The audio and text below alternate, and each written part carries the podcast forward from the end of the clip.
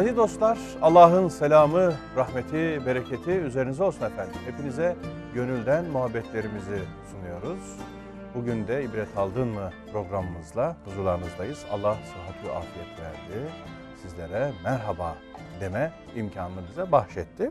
Kıymetli dostlar, e, kıssalarla yürüyüşümüzde Hazreti Salih'in e, kıssasında epeyce bir mesafe kat ettik, epeyce bir yol aldık.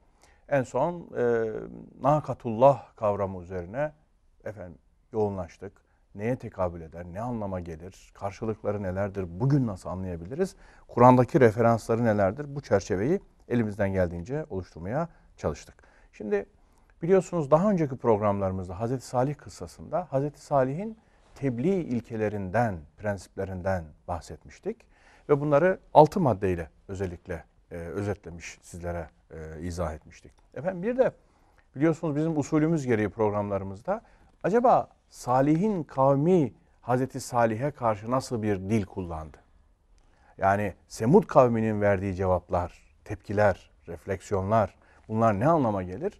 Efendim e, üzerine durulmayı hak ediyor diye düşünüyoruz ki daha önce de bunun uygulamalarını sizlerle paylaştık.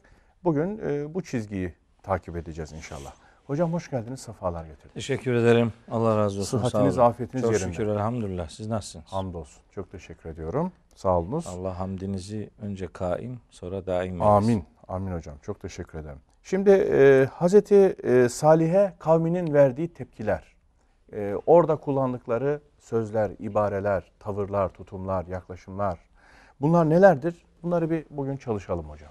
Şöyle bir orta yere koyalım. Çünkü Hazreti Salih onlara e, diğer peygamberlerle müşterek bazı temel ilkelerle e, tebligatta bulunmuştu. Bazı şeyleri tebliğ etmiş, söylemişti ki o altı ilkeyi de uzun uzun çalışmıştık. Acaba kavmi ne dedi? Evet. Şimdi tebliğ ilkeleri bağlamında ikiye ayırmıştık tebliğ ilkelerini. Bir ortak risalet öğretileri bağlamında.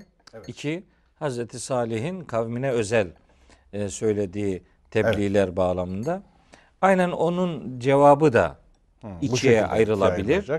Ee, buna göre bir, bütün peygamberlere yapılan türden tepkiler. İtirazlar, tepkiler. İki, özel tepkiler.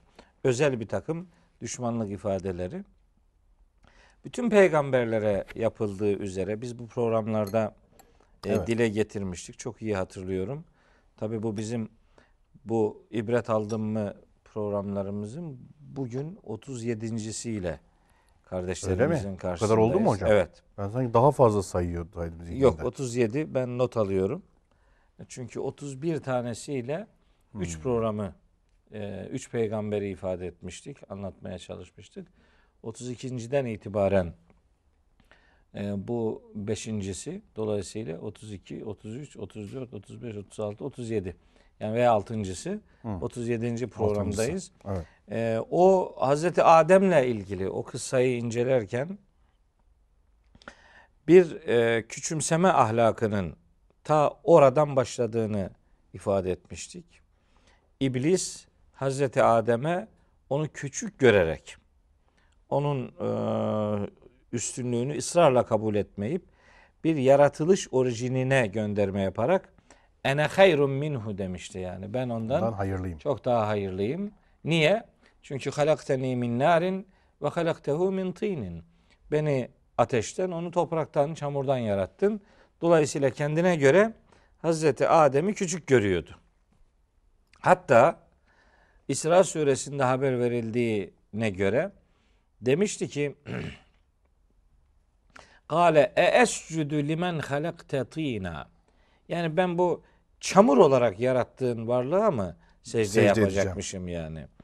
Hatta Cenab-ı Hakk'a biraz da çok saygı sınırlarını aşan bir cümleyle seslenmiş demişti ki kale eraeyteke hazellezî kerremte aleyye.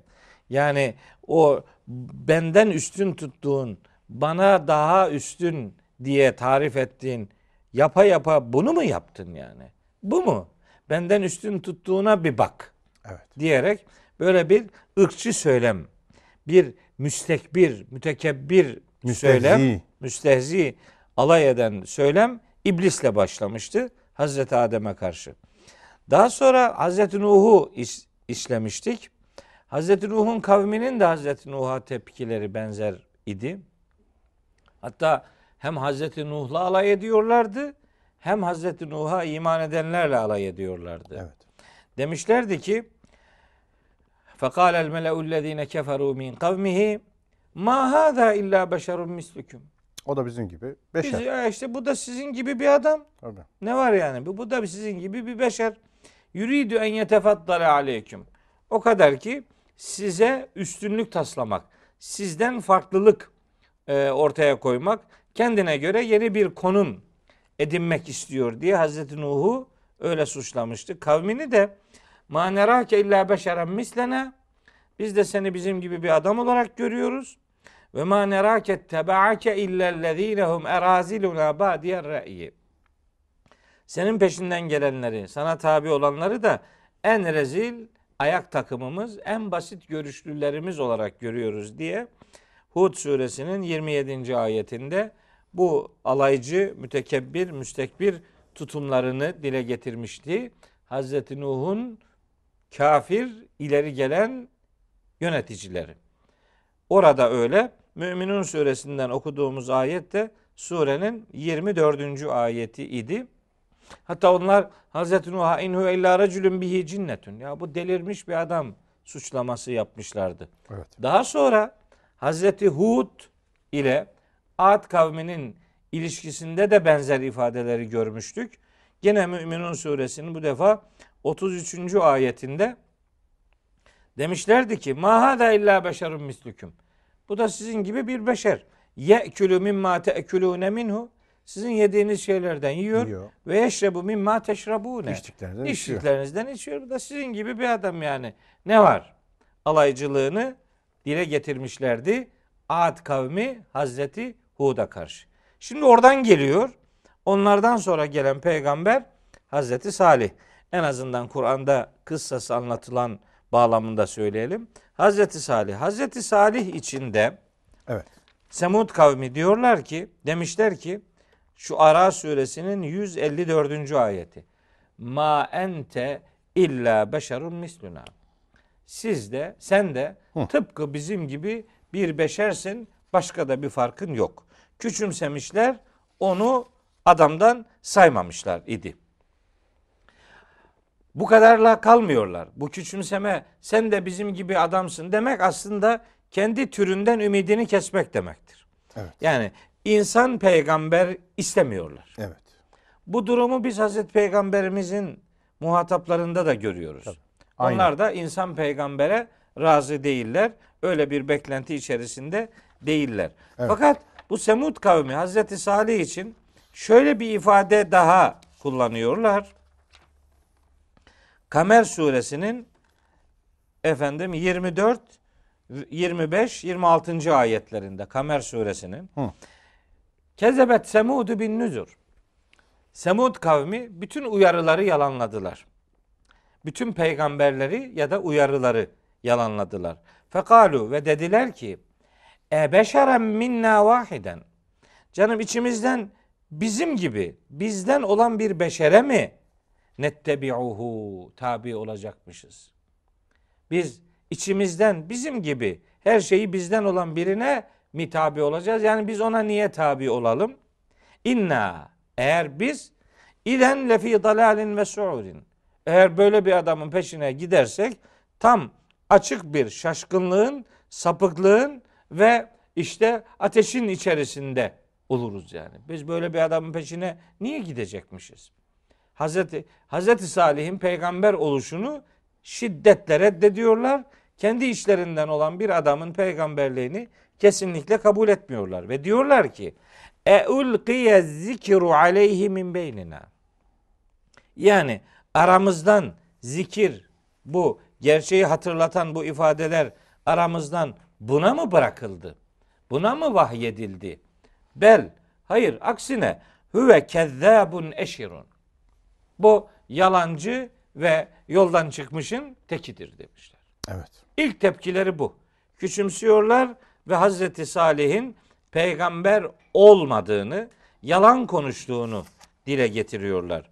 Bu ifadeyi biz Hazreti Peygamberimiz için de Mekkeli müşriklerin kullandığını biliyoruz. Nerede? Saat suresinin 8. ayetinde.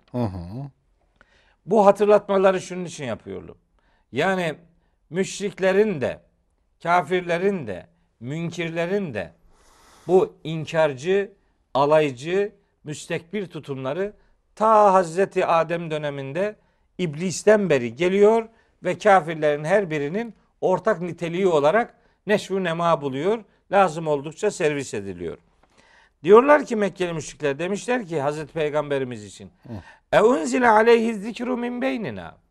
Zikir bu gerçeği hatırlatma ifadeleri aramızdan buna mı indirildi? Belhum fi şekkim min zikri. Bu adamlar bizim öğüdümüzle ilgili derin şüphenin içindedirler.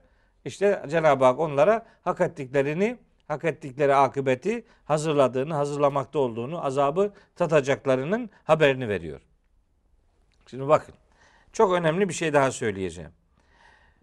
Zikir içimizden buna mı? Bizim gibi bir adama mı verildi? Ha, küçümsüyorlar. Hazreti Peygamberi de küçümsemişlerdi. Peygamberlerin tebliğ ettiği davasını sürdüğü, sürdüren insanları da aynı suçlamalarla bugün mesela suçluyorlar. Aynı, aynı şeyleri söylüyorlar.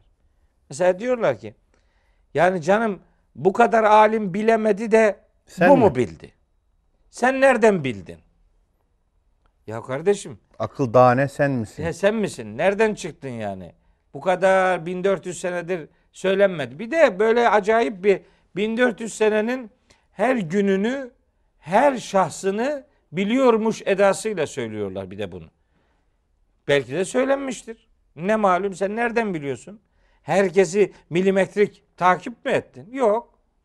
Hakim bir kanaat, süre gelen bir süreç içerisinde Hakim bir söylem. söylem böyle bir e, yerleşik bir düzen almış. Ona aykırı biri bir şey söyleyince işte tepki. Hazreti Peygamber'e yapıldığı gibi, Hazreti Salih'e, Hazreti Nuh'a, Hazreti Hud'a yapıldığı gibi küçümseyici bir e, mantıkla maalesef Aynı şey devam ediyor. hakikatin üzeri örtülmeye gayret ediliyor. Hakikati söyleyen insanlar da böyle yalancılıkla, kahramanlıkla ya da Hazreti Nuh'a söyledikleri gibi yürüydü en yetefaddale aleyküm. Bu size üstünlük taslamaya çalışıyor. O söylemi bugün de vahyi söyleyenlere karşı size bir e, işte üstünlük taslamak istiyor. İşte onu beğenmiyor, bunu beğenmiyor gibi. Tabii bu böyle beğenmeme suçlamaları vahyi anlatanlara yapışmaz.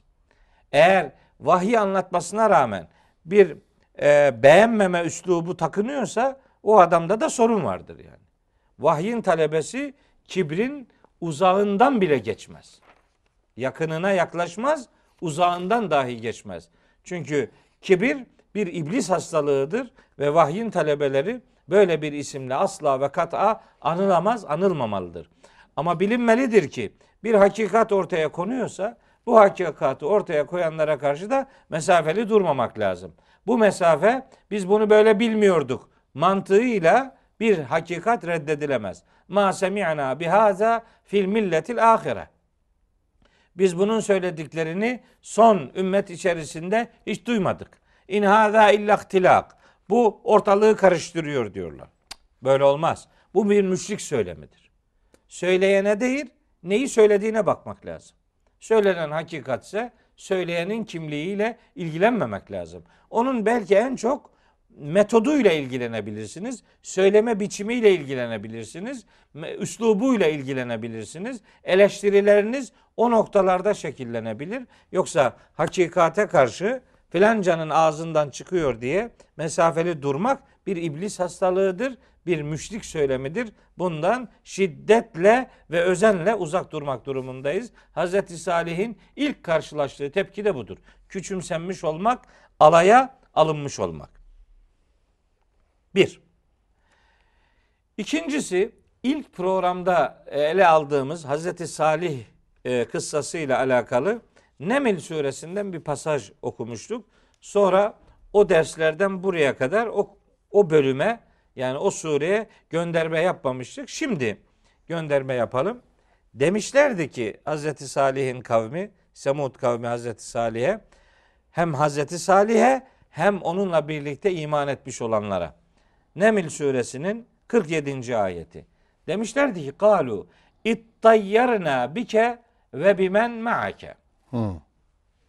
Biz senden ve seninle birlikte olanlardan dolayı uğursuzluğa uğradık.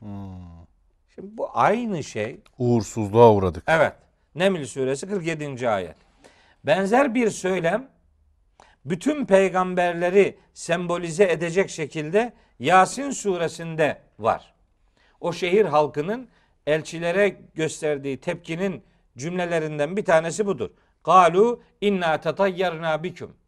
Biz sizden dolayı uğursuzluğa uğradık. Yasin suresi 18. ayet. Bir uğursuzluk söylemi geliştiriyorlar. Kime karşı? Peygamberlere karşı. Niçin? Sıra dışı şeyler söyledikleri için. Yani hakim söyleme karşı yeni bir e, iddiayla ortaya çıktıkları için. Onlara efendim uğursuzluk diyorlar. Bugünlerde şu yaşadığımız ortamda, şu çağda Kur'an adına biri bir şey söylediği zaman Kur'an adına konuştuklarına karşı cevap veremeyince yani Kur'an'dan konuşulan şeylere Kur'an'dan cevap veremeyince yeni bir söylem geliştiriyorlar.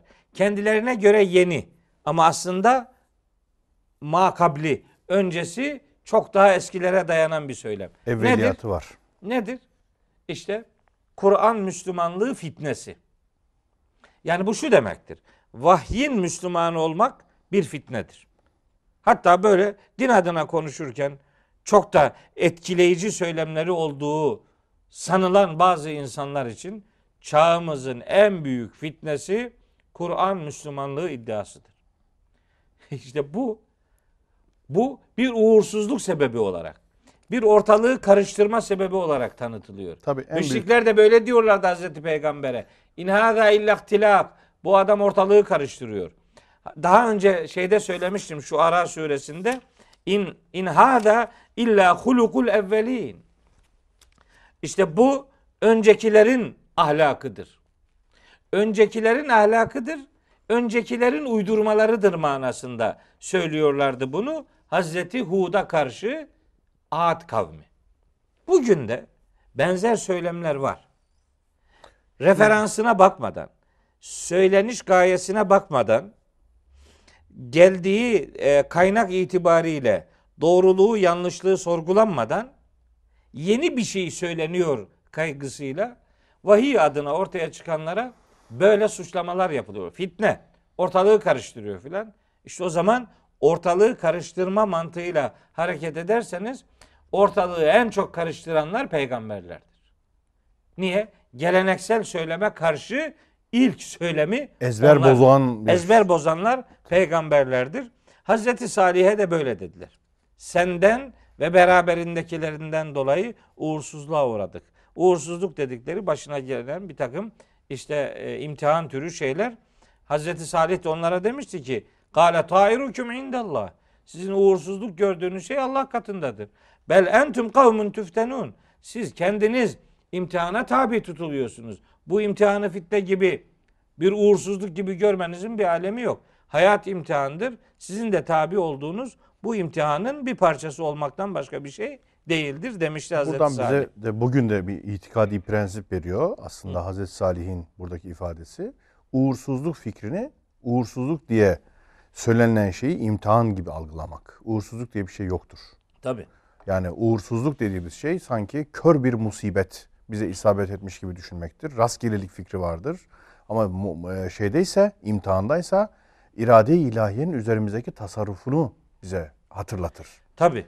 Yani Devenin sembol olduğunu ifade ettiğimiz bir önceki Tabii. programda da fitne kelimesi kullanılmış. Bu bir imtihan demek. bir meclise birisi gelir mesela. Diyelim ki bardak düşer, kırılır. Bugün de bunun örnekleri var. Küçük küçük numuneler ben hayata hani projeksiyonlar olsun diye. Evet.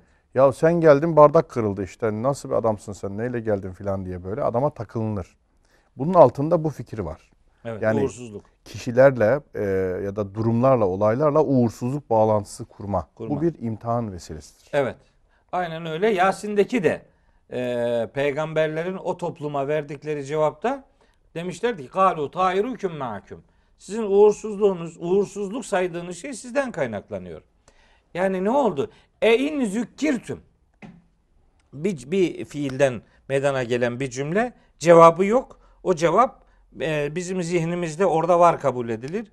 E in zükkirtüm. Size gerçek hatırlatıldı da mı tedayyertüm. Uğursuzluğa uğradınız. Yani etedayyertüm li en zükkirtüm. Size gerçekler hatırlatıldığı için mi uğursuzluğa uğradınız? Yok böyle bir şey. Bel aksine kavmün müsrifun. Bel entüm kavmün müsrifun. Siz sınır aşan, haddi aşan bir toplum.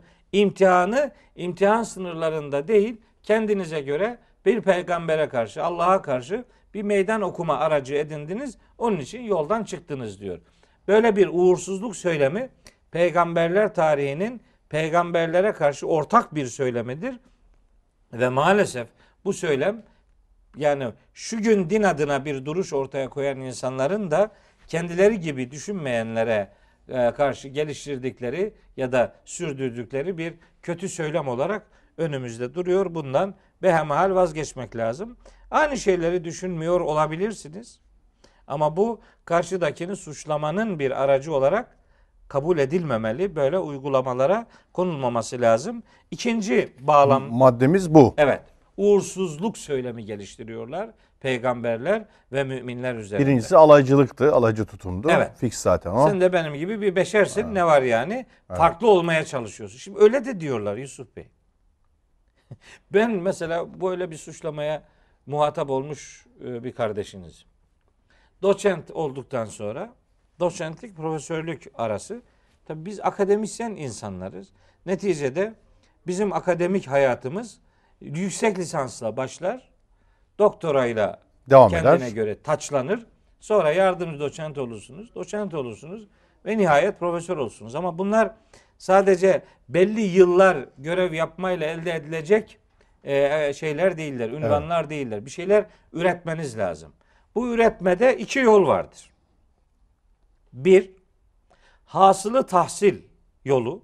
Yani olanı bir daha oldurursunuz. Evet. Malumu ilan. İlam edersiniz. bilineni bir daha bildirirsiniz.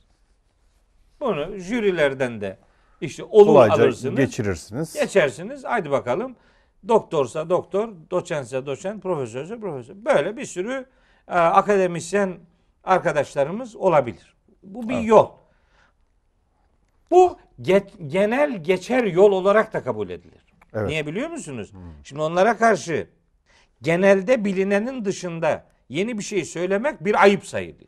Tabii işte icat çıkarma e, halk anlayışı burada da geçerli. Ha, burada da geçer. Yani ha- Ya sen kim oluyorsun da Ha. bunu dedin mantığı biraz önce söylediğimiz bu bizim akademik hayatta da maalesef var. Yani e, Fahreddin Razi'nin efendim Allah rahmet eylesin e, Fatiha tefsiri üzerine bir inceleme e, yaparsınız. Bunu ortaya koyarsınız. Ha, Tamam tam bu makbul. çalışma. Bu makbul. Ama Tabii. Siz diyelim kendinizce yeni bir problematik oluşturur ve bunun üzerine yoğunlaşırsınız. Ya sen de Allah'ını seversen. İşte bak aynen bunu yaşadım işte ben. Doçent olduktan sonra işte bir kabir kavramı üzerinde bir çalışma yaptım. Profesörlük için böyle e, bir müstakil kitap yazmanız lazım. Doçent olduktan sonra en az bir kitap yazmanız ve en az hakemli dergilerde yayınlanacak 3 makale üretmeniz lazım. En az, en az, bunlar. evet. Şimdi ben o çalışmaları yapacaktım. Ben kolayını tercih edebilirdim. Tabii. Yani mesela derdim ki filanca tefsircilerin Evet. filanca konulara bakış Bak yahut da filanca tefsir okulundan birinin Ekolünün- filanca tefsir ekolünden biriyle mukayesesi. Böyle yapılan bunlar boş şeylerdir demiyorum. Onlar da bir hizmettir eyvallah. eyvallah. Ama bu işin kolay kısmıdır. Burada suya sabuna değmiyorsunuz. Yani olanı bir daha olduruyorsunuz. Mevcutlar arasından bir eee, fikir geliştiriyorsunuz vesaire. Bu kolay kısmıdır. Bu jürilerden en kolay geçecek olan çalışma biçimidir. Bir de var ki genelde bilinene karşı sırf bilinene karşı olunsun diye değil. Değil.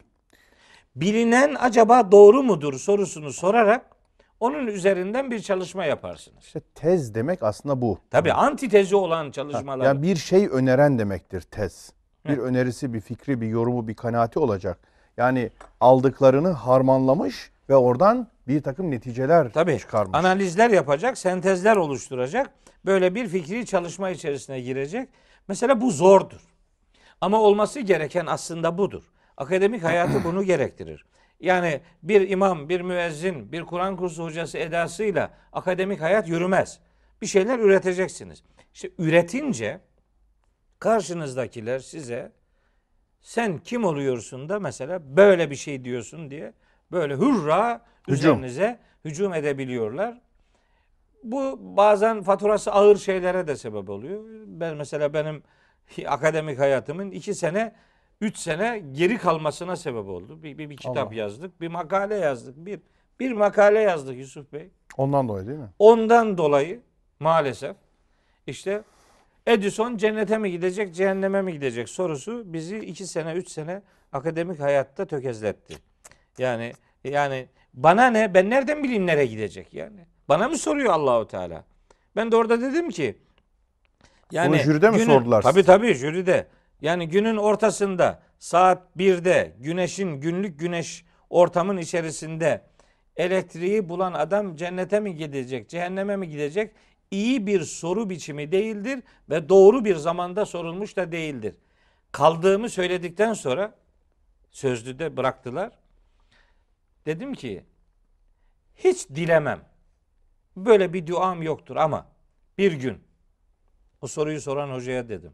Bir gün diyaliz hastası olursunuz. Yoğun bakıma girersiniz de tam her şeyiniz elektrikle çalışan makinelere terk edilmiş bir haldeyken elektrik kesilir. Tam işiniz bitmek üzereyken elektrik gelir de yeniden hayata tutunursanız elektriği bulan cennete mi gidecek, cehenneme mi gidecek sorusunu o zaman sorup cevabını alacaksınız. Böyle günün saat 12'sinde günlük güneşlik ortamda bu soru doğru bir soru değil dedim.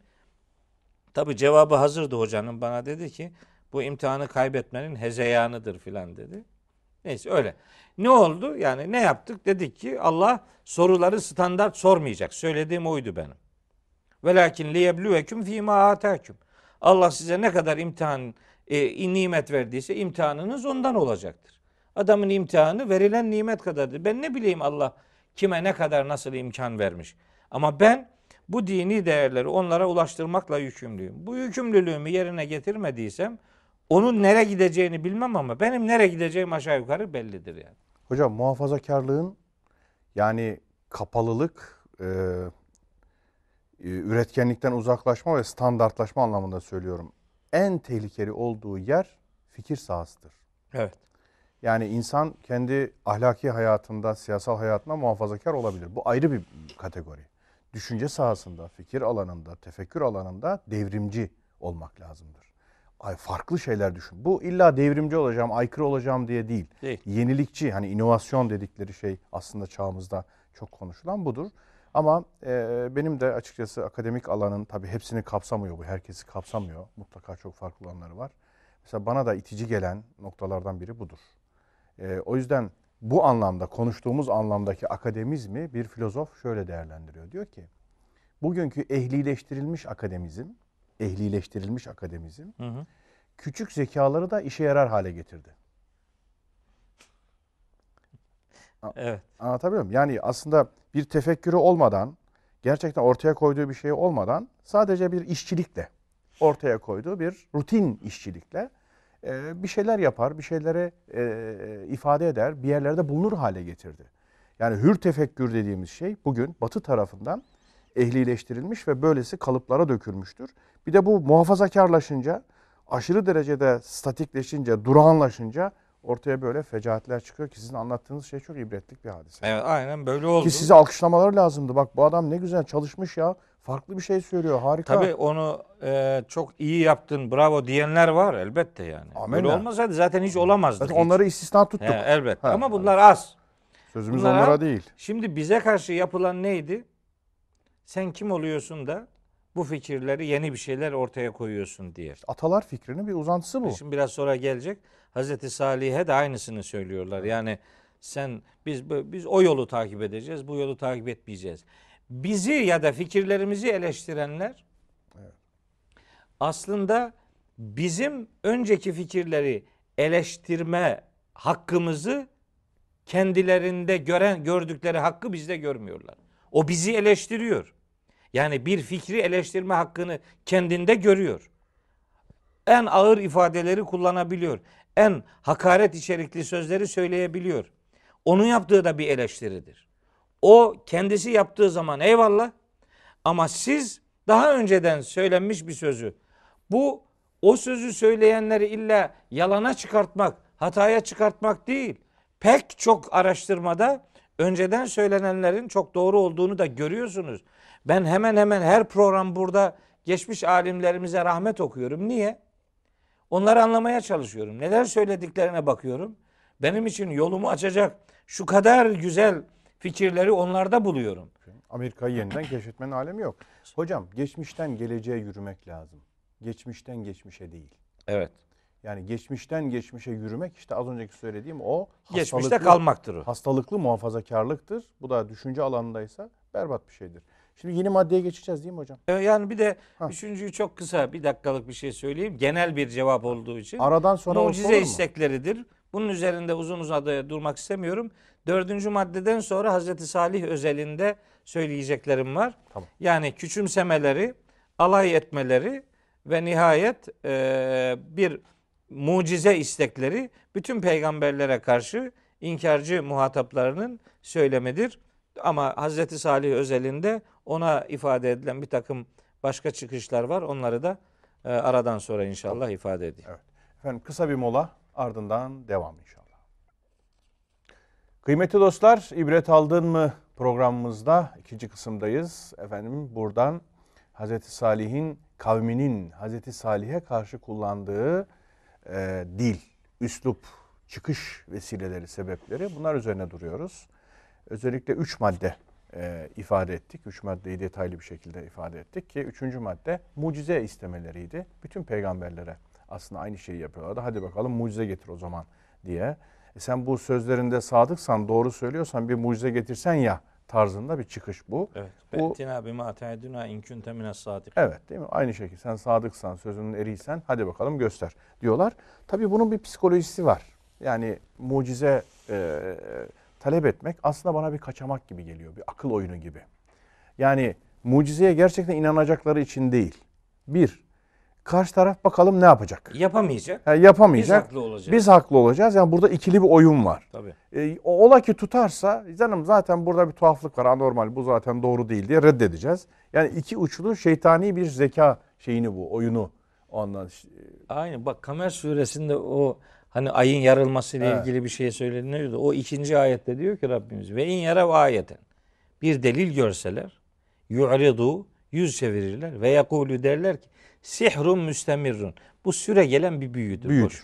Zaten inanmayacak yani. Yani zaten cevabını bir hazırlıklı oldukları Tabii, bir şey tabii. soruyorlar ki karşı taraf bakalım ne çıkacak eli diye. Önce göremeyecekler, yapılamayacak ve biz onları Tabii. mağlup edeceğiz mantığı var. Tabii. Ama kazara es kaza olursa da Olursa bu defa da bu bir büyü der. Evet. Ve Her iki durumda da kazanacağını düşünüyor. kazanacağını düşünüyor. Yani bu bir şeytani mantık yürütme üslubu Evet. aslında. Evet. Peki sevgili hocam dördüncü madde herhalde Hazreti Salih'e özgü. Evet Hazreti Salih'e. Özgü bir şey söylüyorlar. Bunu Hud suresinden bu sadece Hazreti Salih'e yönelik kavminin söylediği bir söz. Onun için özel manada zikretmek istiyorum. Hud suresinin 62. ayetinde. Şimdi 61. ayette daha önce söylediğimiz tebliğ ilkeleri var. Hazreti Salih söyleyeceklerini söylüyor, söylüyor. Nimetleri hatırlatıyor. Tevbeye, istiğfara gönderme yapıyor filan. Onun üzerine Kalu diyorlar ki Semud kavmi. Ya Salihu. Şimdi Hazreti Salih onlara hitap ederken ya kavmi diyor. Ey kavmim Onlarsa sahipleniyor yani. Bir aidiyet duygusu içerisinde dışlayıcı bir mantık ortaya koymuyor. diğerleri ise ötekileştiriyorlar. O da ötekileştiriyor. Ey Salih diyor Evet, kavmi. Tabii. Yani Hazreti İbrahim babasına ya ebeti diyor. Ey babacığım diyor. O da ona ya İbrahim diyor yani. Yani yavrum demiyor. Hazreti Lokman oğluna yavrum diye hitap ediyor ama Hazreti İbrahim'in babası Hazreti İbrahim'e ey İbrahim diye hitap ediyor. Böyle bir dışlayıcı efendim mantık var. Burada da aynısı. Kalu demişler ki ya Salihu. Ey Salih. Kad kunte fina mercuvven. Hmm. Sen bizim aramızda böyle gözde yani istikbal vaat eden biriydin. Ne zamana kadar? Kable hâzâ etenhana. Sen bizi şu şu noktalarda nehyedene, yasaklayana kadar. Gözde bir adamdın. Bizim bütün ümitlerimizi Suya boşa düşürdün. çıkarttın. Yani bir de böylesi var. Mesela bizim yani öyle şeyler görüyorum ki Yusuf Bey yani kendi hayatımızda, çevremizde bunların yani çok benzerleri var. Mesela diyor ki bu filanca hocanın oğluydu yazık. Evet. Bundan aslında başka şeyler bekliyor. Başka şeyler. Kendine göre Evet. Hoca haklı. var. Onun hocası da haklı. Oralar haklı. Onların talebesi olan biri az aykırı bir şey deyince tüh Yazık. hiç uymadı. Bak babası ne diyor, oğlu ne diyor. Yani babaya göre konuşacaksak çok çıkmaz sokaklar olur yani. Babalarımızın söylediklerinin büyük çoğunluğu doğru zaten. Ama her birinin doğru olduğunu kabul etmek durumunda değiliz. Bunda yanlış şeyler de olabilir. Her dediğini doğru kabul etmek babaya da haksızlıktır, görüşe de haksızlıktır. Yani sormak lazım, Zamana ve zemine lazım. de haksızlıktır. Elbette. Allah'ın her an alemi her şeyle yeniden yaratışına haksızlıktır. Hem her şeye haksızlık bu. haksızlıktır bu. Yaratılış haksızlıktır hocam. Yani yenilik olmazsa, farklı şeyler olmazsa hayat olmaz. Maalesef. Bu Hayat farklılık demektir yani. Evet işte böyle güvenimizi boşa çıkardın. Yani sen bizim için gözde bir adamdın. Bak şimdi ben şahsen bana söylenmiştir mesela. Sen işte şu şu makaleleri yazmasaydın, şu şu kitapları yazmasaydın şimdi bilmem nerede olurdun. Bak şimdi. Yani yani, yani Bu öyle çok, bunlar çok sakat. çok ifade, sakat şeyler. ifadeler. Yani iyi de yani ilahi hakikatı başka bir beklentiyle gizlemenin nasıl faturalar e, içerdiğini biz Kur'an-ı Kerim'den biliyoruz. Dolayısıyla hakikatsa dediğimiz buna sadakatle sarılmak lazım. Kimin dediğine değil, Tabii. neyin söylendiğine bakmak Şimdi lazım. orada o müşriklerin psikolojisini biraz analiz etmek açısından enteresan bir şey o. Karşı tarafı kendilerine tekrar çekebilme ümidini taşıyorlar bir. Yani biz diyorlar ki Salih sen aramızda seçkin bir adamdın. Ta ki bize şunları şunları şunları nehyedene kadar. Evet. Bak bazı yasaklar getirene kadar aramızda çok gözde bir adamdın. Şimdi burada bir şey var. Bir, Salih'i onore ediyorlar aslında bir açıdan. Yani sen çok seçkin bir adamdın diye ifade tekrar ederken ondan sonra ümitleri var ki acaba tekrar o seçkinlik ona cazip gelir de seçkin olduğu, gözde olduğu zamanlar ona rücu olur mu? Ondan sonra iki buradan tekrar çeldirebilir miyiz? Diyerek aslında oltanın ucundaki yem gibi kullanıyorlar. Orada bir müşrik uyanıklığı var yani psikolojisi var. Ee, enteresan onu e, görüyoruz evet, değişik doğru. şekilleri. Tabii tabii yani tevbe görüyoruz. kapısı açık vazgeçebilirsin buradan. Eski şaşana, eski debdebene Tabii. dönebilirsin. Hatta Hazreti Peygamber'e de öyle vaatlerde Aynısı bulunmuşlardı işte Tabii, yani. Tabii, tabii. Yani makamından ekonomisine, kadınından şusuna busuna varıncaya Mekke'nin kadar anahtarlarına kadar her şeyini hepsini teklif söylemişler. ediyorlardı ama bu neticede Kafirun suresi bir duruş suresidir. Yani nerede durduğunuzu ilan edeceksiniz. Üslubunuzu doğru kullanarak peygamberlerin duruşu daima böyle olmuştur. Hatta Kalem suresinde Hazreti Peygamber için sizi de teyiden söylemiş olayım. Orada diyordu ki diyor ki Rabbimiz Fela tuti'il mukezzibin. Sakın ha bu hakikati yalanlayan yalanlayanlara itaat etme, aldırış etme, boyun bükme. Veddü. Çünkü bunlar isterler ki lev tudhinu feyudhinune. Sen onlara yağcılık yapasın, O da- onlar da sana yağdanlık yapsınlar. Karşılıklı. Karşılıklı al gülüm ver gülüm. Hatta teklifleri şuydu. Senin ilahın dediğin ilahımıza bir sene ibadet edelim. Bir sene de bizim putlara ibadet edelim. Bakalım hangisinden sonraki sene daha iyi olursa ona devam ederiz diye. Onların kaybı yok. Tabii. Ama Hazreti Peygamber'in duruşu tökezletilecekti. Kendilerine göre zekice bir teklifte bulundular ama Allahu Teala o teklife karşı Hazreti Peygamber'i uyardı ve şey fela tuti'il mukezzibin. Sakın bu yalanlayanlara itaat etmeyesin diye. Hatta mesela İsra suresinde var. Ve inkâdû leyeftinûneke anillezî evhayna ileyke litefteri aleyna gayrehu. Bize başka şeyler iftira edesin diye az kalsın sana vahyettiğimiz şeylerden seni kaydıracaklardı. Yani öyle yoğun bir baskı kurdular Hazreti Peygamber üzerinden. vahyi gerçekleri gizlemesi noktasında ondan taviz kopar taviz koparma noktasında teşebbüsleri oldu. İşte Hazreti Salih'e de yapılan aşağı yukarı onun bir başka versiyonudur. Ama hiçbir peygamber kavminin ondan istediğine itibar edip ilahi söylemi gizlememiştir. Ondan zerre kadar vazgeçecek bir tutum içerisine girmemiştir. Evet. Bu dördüncü madde. Bu dördüncü madde. Kaç madde daha var hocam? Var e, bir beş tane daha Beş, var. dokuz madde toplam. E, Yani öyle Tamam, sıraladım ama tamam. illa dokuz olması şart Yok değil. eyvallah hani ben merak ettiğim için Bir, sordum birkaç sadece. tane daha söyleyip de bitirebiliriz ama Olur. en önemlisini sona sakladım. Çünkü bu deve boğazlama işi var. Onunla ilgili söyleyeceklerim var. Hmm. Oraya kadar olanları biraz hızlı geçebilirim. Tamam. Beşinci madde Hazreti Salih'e diyorlar ki Etenhana sen şimdi bizi yasaklıyor musun? Evet. En na'bude ma ya'budu abauna. Atalarımızın kulluk yaptığı şeylere kulluk yapmaktan bizi yasaklıyorsun öyle mi? Yani bizim atalarımızın taptığı şeylere biz tapmayalım.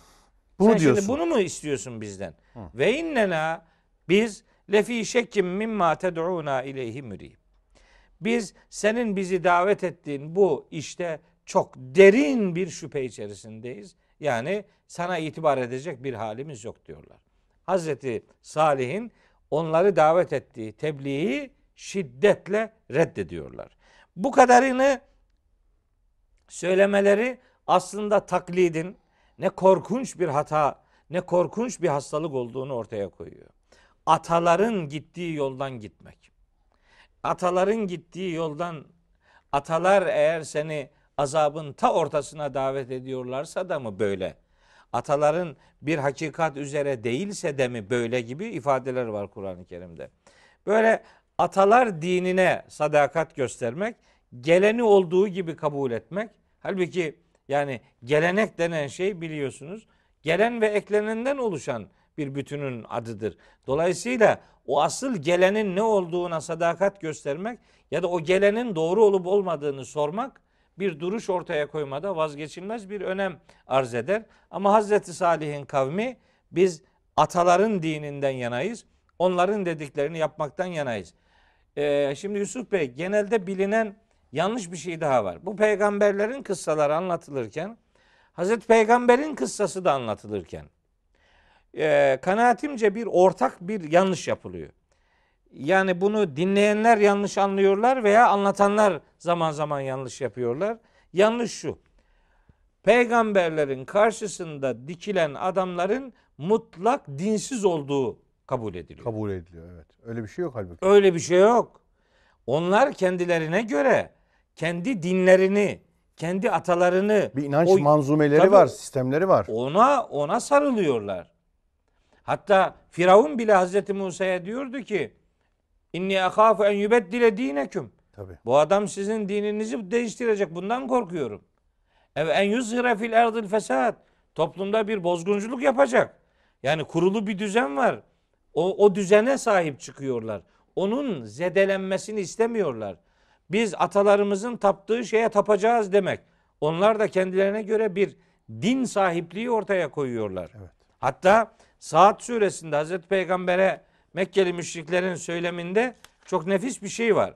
Diyorlar ki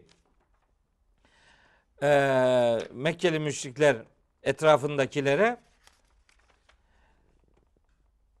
Ece'alel alihete ilahen vahida. Yani bu Muhammed aleyhisselam onların ifadesiyle Muhammed diyorum. Bütün ilahları tek bir ilaha mı indiriyor?